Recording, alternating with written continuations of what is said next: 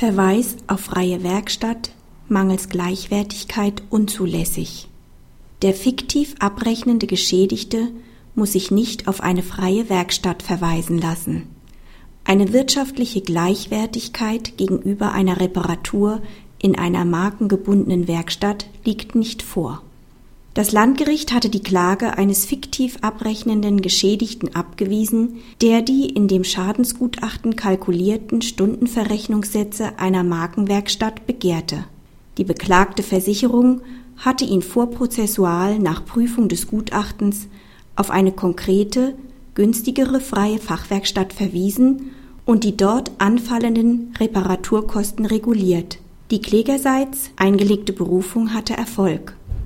Das KG ging davon aus, dass die Beklagten mit dem Hinweis auf eine freie Werkstatt keine dem Kläger mühelos ohne weiteres zugängliche, günstigere und gleichwertige Reparaturmöglichkeit im Sinne des Porsche-Urteils des BGH nachgewiesen haben.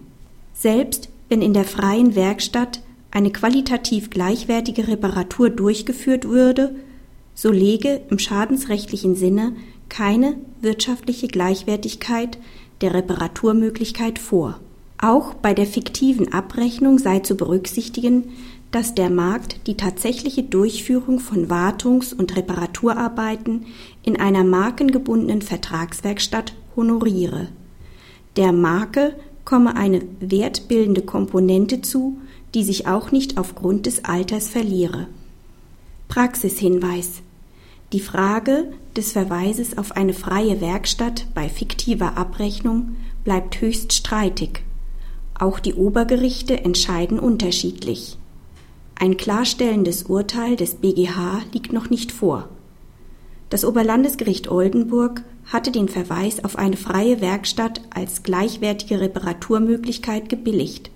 Das Oberlandesgericht Düsseldorf hat diese Frage vorerst offen gelassen, jedoch gefordert, dass bei einem Verweis auf eine freie Werkstatt zumindest konkrete, die Gleichwertigkeit betreffende Angaben gemacht werden müssen.